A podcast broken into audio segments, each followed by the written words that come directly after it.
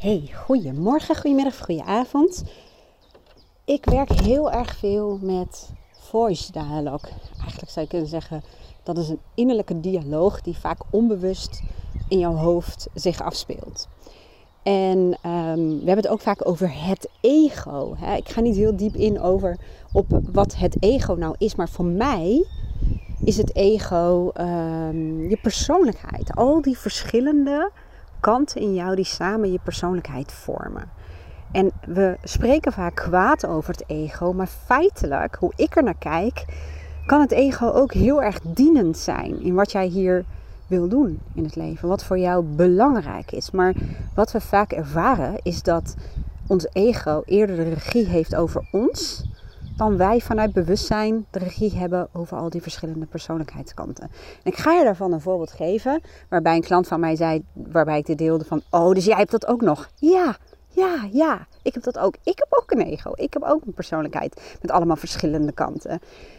En ja, omdat ik hier heel veel mee werk, omdat ik uh, ja, werk als coach en daardoor over het algemeen ja, veel bezig ben met bewustzijn, dat wil niet zeggen dat ik altijd een regie heb over mijn persoonlijkheidskant of over mijn ego, hoe je het wil noemen. No.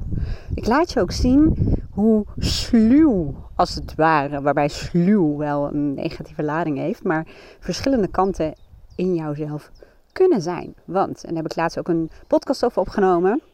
Op een gegeven moment uh, zat ik even buiten en uh, in het zonnetje. En er waren mensen in mijn huis aan het werken, de vloer aan het leggen. En die zag ik en zij zagen mij daar zitten op de grond in het zonnetje.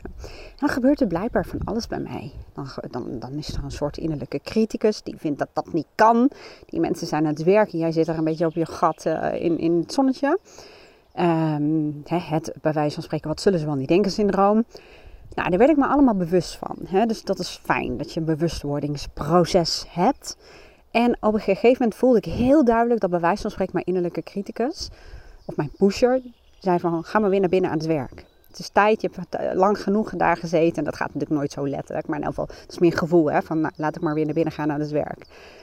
En ik voelde dat dat uh, gedreven was door één of meerdere kanten van mezelf. Als het ware je ego.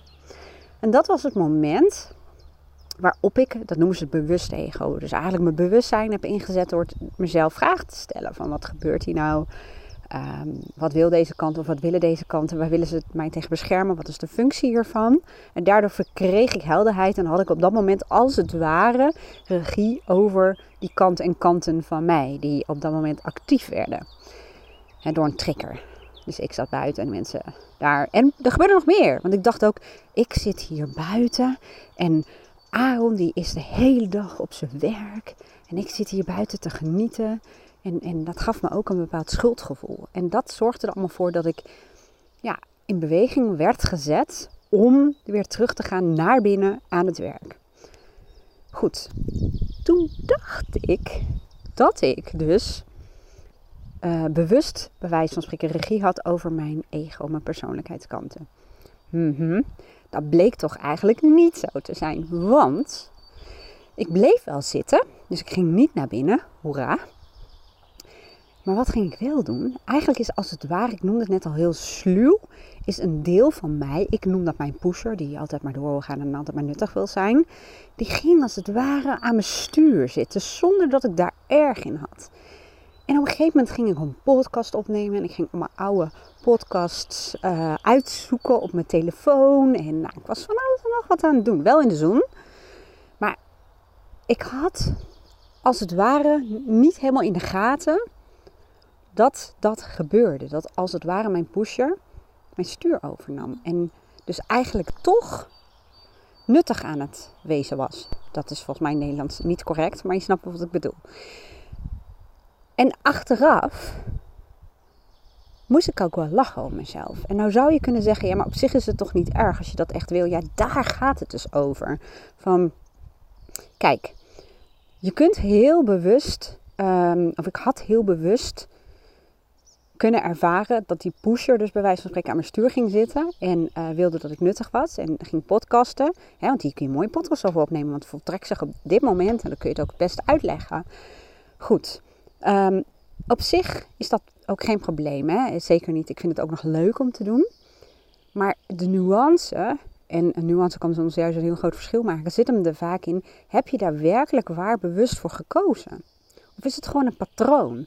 En in mijn geval was het echt een patroon. Want als ik heel eerlijk ben, dan was mijn intentie om buiten te gaan zitten met mijn lunch en daarna mijn ogen dicht te doen. Niet tijdens de lunch, want dat gaat bij mij altijd mis. Maar in elk geval om lekker even te zitten en niks te doen. Alleen maar even te luisteren naar de geluiden en van dat momentje te genieten als een soort oplaadmomentje. En echt in contact te zijn met de natuur, mezelf, ook al klinkt dat misschien een beetje zweverig. Dus dat was mijn werkelijke intentie. En daar ben ik van afgeweken.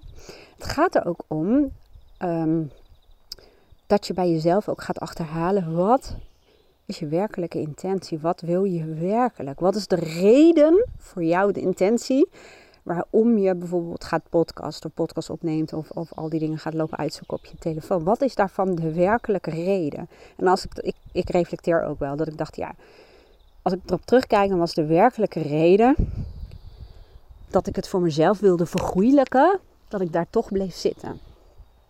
En dat ik toch kon vertellen aan mezelf, of wie het dan ook wilde horen, bij wijze van spreken, dat ik daar toch best wel nuttige dingen heb gedaan. En het gecombineerd heb met de zon. En ik had mezelf ook een verhaal verteld. Hoe geweldig is het dat ik dat allemaal kan doen de zon? En dat verhaal vertel ik me heel vaak. Hè? Ik vind het ook lekker, nu ook. Alleen nu, ik loop nu ook buiten, is het echt een werkelijke, bewuste keuze. Ik vind het leuk, ik, het is afgestemd op mijn waarden. Uh, daar ga ik nu niet heel veel over vertellen, maar ze noemen dat vaak. Het voelt afgestemd. Het voelt afgestemd op je waarde. En anders heb je het over afschermer. Ja, daar kom ik later wel een keertje op terug. Maar anyway, als ik erop terugkijk, dacht ik: nee, ik ben dat gaan doen, maar eigenlijk om de verkeerde reden. De verkeerde reden klinkt ook een beetje resoluut, maar ja, het was niet wat ik wilde. Het is niet dat ik nou op dat moment als ik bezig ben met podcasten, dan heb ik ook nog wel, ja, uh, hoe zeg je dat, ogen voor de natuur om me heen. Maar als ik op mijn telefoon allerlei podcasts aan het uitzoeken ben, ja, dan zit ik daar wel, maar dan zit ik daar ook niet. Dus wat ik je hiermee wil vertellen, bewustzijn en het ego. We denken heel vaak, ik in elk geval, omdat ik heel erg, ja, toch wel bedreven ben geworden in dat hele voice dialogue gebeuren. Um, we denken heel vaak dat we dingen vanuit bewustzijn doen en dat we daarin dus keuzevrijheid hebben om te kiezen tussen A, het raadplegen van welke kant op dat moment jou het meest uh, dient. Maar ook te kiezen voor wat werkelijk uh, past bij jou, wat je op dat moment werkelijk wilt doen.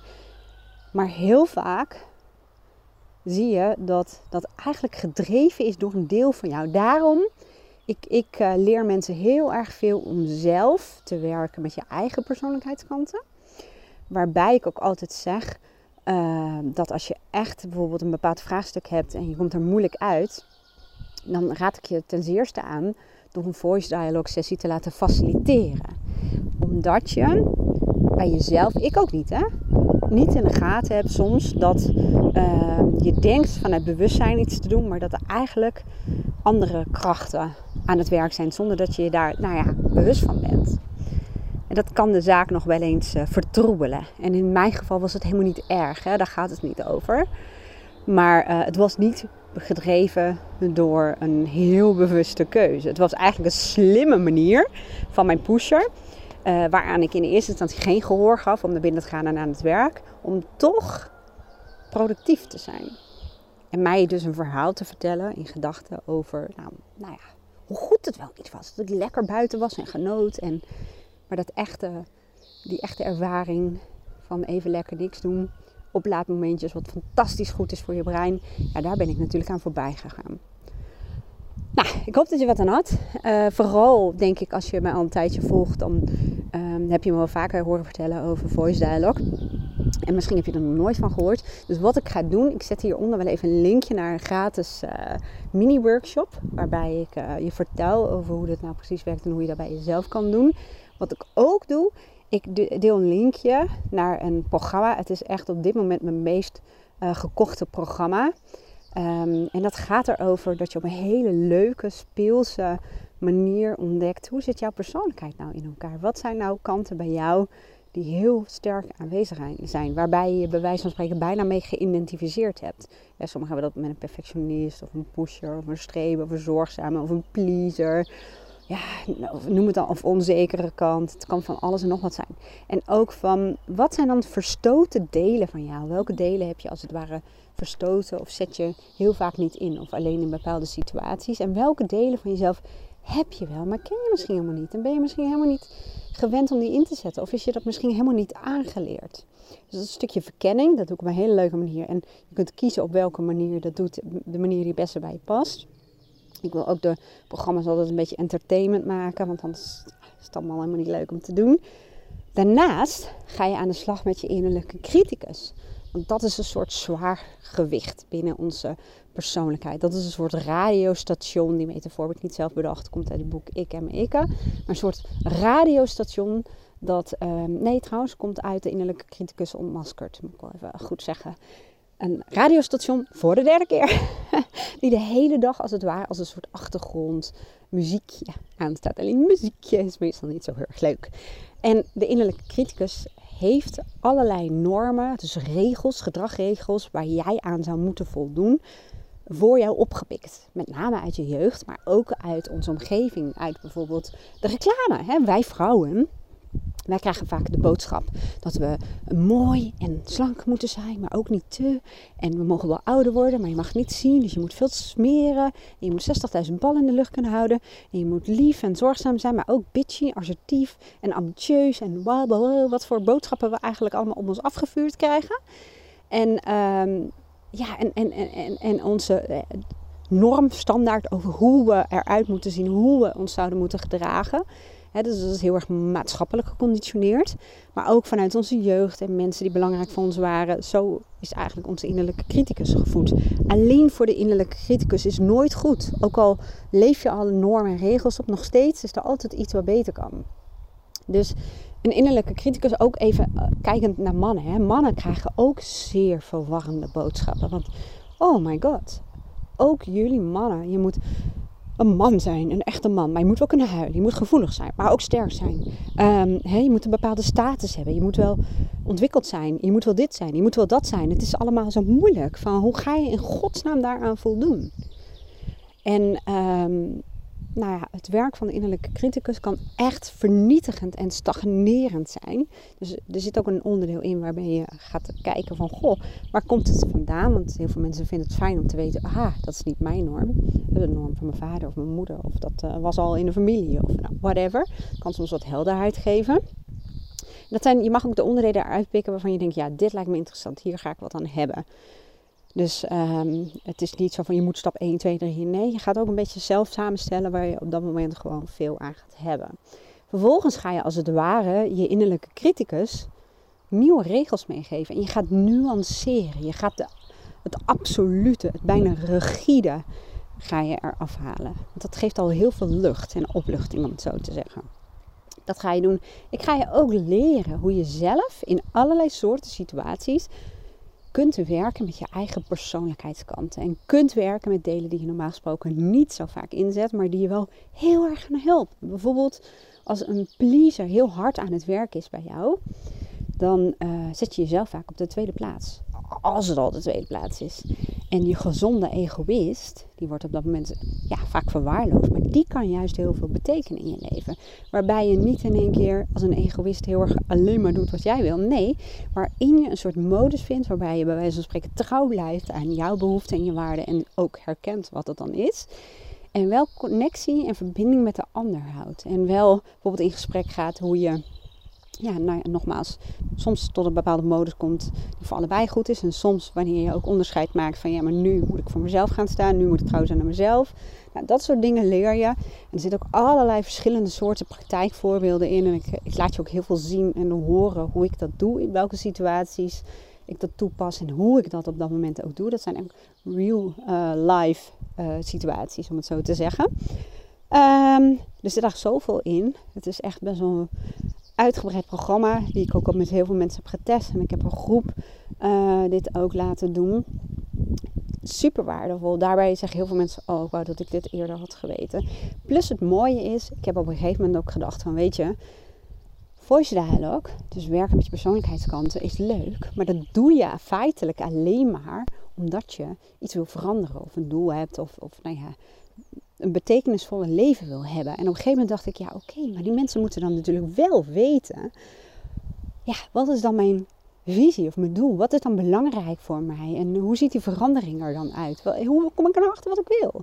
Dus ik heb in dit programma heb ik ook een onderdeel toegevoegd waarin je leert kennen wat zijn mijn allerbelangrijkste persoonlijke waarden. Hoe werkt dat nou? Wat zijn normen die daarbij horen? Welke normen conflicteren bijvoorbeeld? En hoe kom ik erachter wie ik werkelijk ben en wat ik werkelijk wil? Dus daar heb ik ook componenten aan toegevoegd uit een ander programma.